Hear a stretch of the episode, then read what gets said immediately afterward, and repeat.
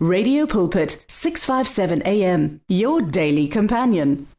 Hello, hello, hello, hello. Welcome, welcome to the show. Today my name is Pastor Kenny Mukwena. We are talking about a series that we started some weeks ago titled The One Thing. If you have been listening to this, I promise you, I promise you, I promise you, there's no way your year can be the same. This year things will change because we are endeavoring to put the one thing in place. So in last week's episode I brought this to a close and this is where we are going to revolve around as we as we go towards wrapping up this this this series. We still have few weeks to stay on it because I really want you to get this. This is the one thing that began my journey with God. This is the one thing that has set me apart even in my ministry. You know I I I I, I call myself successful and if you are listening to this you will know already I'm not talking about the cars I drive or the houses I live in you know the job I do. I'm talking about walking in the will of God for my life. This is how I define success. When I review a year I never review a year. Well I used to do that when I was still young you know my first um uh, when I when I came when I when I started my career. I'm a lawyer by profession. I've been practicing for 23 years as a as an attorney. I'm still practicing.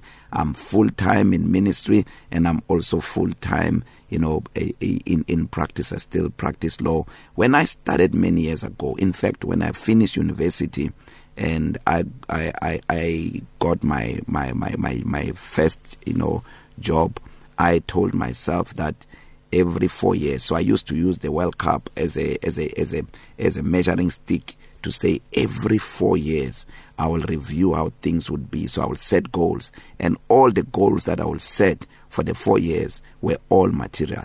There was nothing about divine purpose I never you know said by this time I want to have been here with God. I did not know better. I was still young you know as well. So I I, said by the time I I I turn uh, this age you know I must have achieved the, the following by the time I get to it was always about material things. I must have been married. I must my house must have been paid off. I must be driving two cars. All of that you know. So that's how I used to measure success until I came into the kingdom of God. You know most of the things most of the things I'm not saying all but most of the things I'm sharing with you on this series are things that I've experienced myself. Maybe let me share you a little bit of my journey so that you understand where this come from. This is not something that I just read bumped into the scripture and I can connect scriptures. Because it's one thing you know when you preach and you're connecting scriptures but you cannot put your life into what you are talking about. You still need to grow in the things of God because in fact I I I believe that we are called to preach what we have experienced. I mean imagine they invite you um you are a man of God or a woman of God they invite you into a conference where they are talking about how to raise millionaires or you know how to run a successful business. And you've never been in business. You don't even know what it means to be in business. You have always been in a job. You are not qualified to go and talk about how to run a business or you uh, we're talking about how to make a million quick. And you've never even made a quarter of that. You're not qualified to go and talk there. And the same way I see exactly the same thing when it comes to to to preaching. If I hear a sermon that inspires me so much, but I have not experienced the reality of that sermon, I can't preach that sermon. No matter how powerful it is and no matter how much I think it will impact someone else because it's it's hypocritical if I go and talk about things I do not know. Christianity is an experience, my brothers and my sisters. The things we talk about, they become so profound and so powerful when we can talk from a place of experience, not from a place of just reading. I always say this that you know, I talk a lot about those intimacy with the Lord Jesus because that's the experience I've had. But I always say you cannot know the Lord Jesus by the things I tell you. Even if the things I tell you they are so compelling and I back them up with scripture, you can't take that sermon and go and teach someone else. Now you've heard me talking about the one thing and you want to talk about the one thing, but you have never put the one thing in perspective. You have never had your own experience about the one thing. It it doesn't happen. So how my journey started when I received the baptism of the Holy Spirit with the evidence of speaking in tongues. I had been a Christian for for a while. I became born again so early. I I, I knew, you know, the reality of God at a very very early age. I knew the power of prayer at a very very early age. In fact, as a young boy growing up, every time I'd be in trouble, whether it's with my mom or with my teachers or with my friends, I always prayed because my mother took me to church when I was still a still very very small and I'm so grateful for my mom for taking me to church when I was still very very young. She took me to the Assemblies of God church a, a, a, at Namahale at the time, you know, the, the Reverend uh, Nkwinika was the pastor of the church um uh, at, at Namahale at the time. You know I've seen the man has since gone to be with the Lord. I really used to love you know listening to him preach. I never may I may I'm I'm sorry and this is not a a a a, a teaching or anything but for some reasons I have never been in a Sunday school. I did not want to go to a Sunday school. I was still very very young at the time but funny enough I was like maybe about what 4 5 years when my mother took me to church I never I've never seen a door of a, of, of children's church. But when she took me to church I never used to run around make noise. I would sit and listen. And I used to enjoy those sermons. Those sermons were too high for me but I used to enjoy those sermons so much. Like I would go home very young 4 years 5 years and I would reflect on the sermon and I would enjoy it and I would look forward to going to church again next week. And that experience marked me forever you know. And I'm and and, I, and I'm not saying that if you are listening to this now you must not take your children to to to children's church. Let me tell you you're going to kill your children when they're still small. They're going to feed them with bones that they're going to choke you know. This is not a pattern that you must follow. Take your children to children's church. In fact in our church we don't allow uh, small children to enter the auditorium because we believe that they must go to their own church where they're going to be taught what they need to hear. So I'm sharing with you this because I want to make this point. So that experience that God that my mother gave me taking me to church it it helped me to believe in God so much even at a very early age. I knew all my life that there is a God in heaven who hear and who is in control of everything. I always knew that, but I always related with that God because I was young based on need So I would wait when I have a need, I would pray, and God will always come through for me. I have never struggled in my life. Never, never struggled in my life because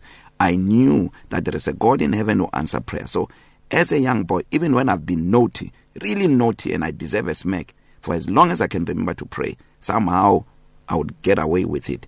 And I knew this God very well. So when I when I grew up and I became saved, So I never received the baptism of the Holy Spirit when I got saved uh, because the church where I grew up they did not believe in the baptism of the Holy Spirit. They believed that the baptism of the Holy Spirit is an inspiration which you receive, you know, at some point, you know, maybe you are praying and then you reach a certain level and then tongues will begin to bubble up. They never believe that it's it's a gift that anybody can receive. So, but when I received the baptism of the Holy Spirit in 2003, my life was never the same again. I became marked literally. And the first thing that God impressed in my spirit he said the same thing he said to the rich young ruler in uh, Mark chapter 10 the last portion of verse 21 he said come.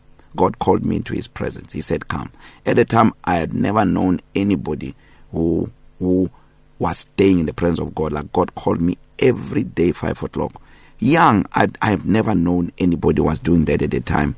And and I obeyed. I went into the presence of God. I didn't even know what to do there. I didn't even know what to pray. I mean I, at this stage I'm only used to praying and asking. I mean how long do you need to ask God for for anything? Even if you have a list that is a full page how long can you take to read that list? It doesn't take long. So I would go into his presence and I would not even know what to do. But let me tell you I persisted.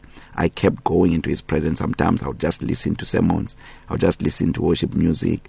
And um, I would just sit there I remember I used to there is this um uh, other video that was just playing worship songs and showing you know valleys showing rivers showing mountains showing flowers you know showing the beauty of the universe.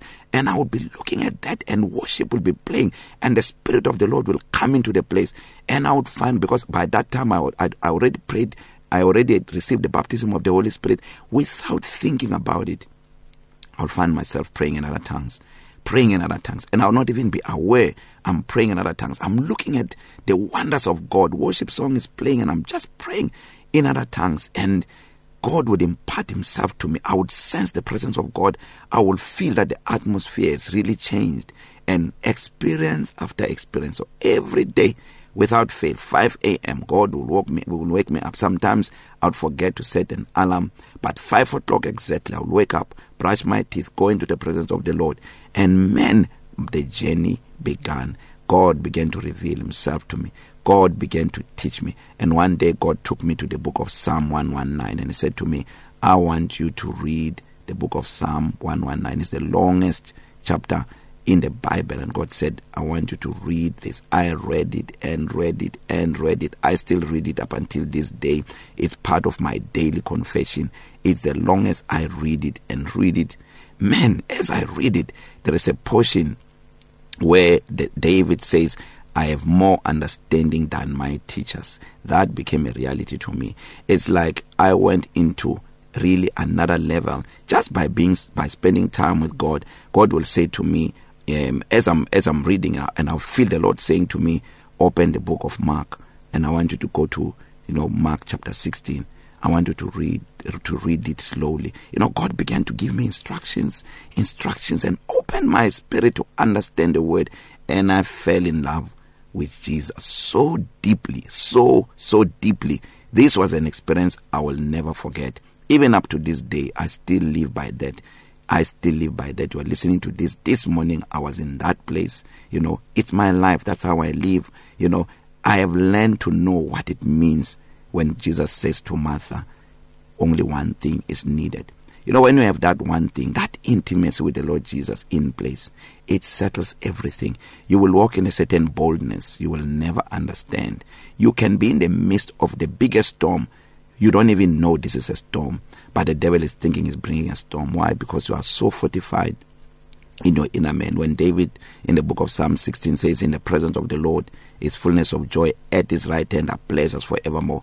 I have experienced this firsthand and I continue to experience it and when he says Mary has chosen that good part merida that word merida which means a portion or a share of who Christ is. And when it says a portion it does not mean a piece of Jesus. No it means the the good part you know the good part of who Christ is when you begin to fellowship with him and it begins to affect your life. You know the psalmist in Psalm 65 is Psalm 16 verse 5 when it says the Lord is the portion of my inheritance and my cup. And then it says he maintains my lot. That means he takes care of everything that pertains to me. When he becomes the portion of your inheritance when he becomes that good part in you which Mary chose and said it will not be taken away from you i tell you you will walk in perpetual success as opposed to, to perpetual struggle. Becoming intimate with the Lord Jesus. That is why he's calling all of us to come. And if you are listening to this, you do not know the Lord Jesus Christ. And I'm not talking about just a person who's not born again. You can be born again, but you hear about Jesus. You even preach about him, but you do not know him. You can know him. All you need to do is to sacrifice time. Be consistent. That's why the Bible says those who come to God, Hebrews 11 verse 6, must believe that he is, meaning he exists, and that he is a rewarder of those who diligently seek him. God does not reveal himself to people who do not diligently seek him. Even Psalm 34:10 in the Old Covenant, in the Old Testament, David says, "A young lion do lack and suffer hunger, but those who diligently seek the Lord, they shall not lack any good thing." If you want to understand the essence of life, the meaning of true life, close intimacy with Jesus is the one thing that we all need that takes care of the rest. So today, if you're not born again, you've not made Jesus the Lord of your life, just make this prayer with me. Say, Lord Jesus, I receive you now as my Lord and my Savior. Amen and amen. If you made that prayer, born again, you're my brother, you're my sister. I will see you in heaven. And um, I've prepared a very powerful life changing free salvation material. I've shared a lot of my personal experiences there. It will help you to lay a solid foundation for your walk with God. So send me a WhatsApp message on plus two seven six six zero six six zero two five zero plus two seven six six zero six six zero two five zero and request for this material. We call it a free salvation material, and I will send it to you. God bless you. I love you so much. See you again next time. God bless. The words of the Lord are words of life. Your heart is on 657 AM. 657 AM. Radio for believers in action.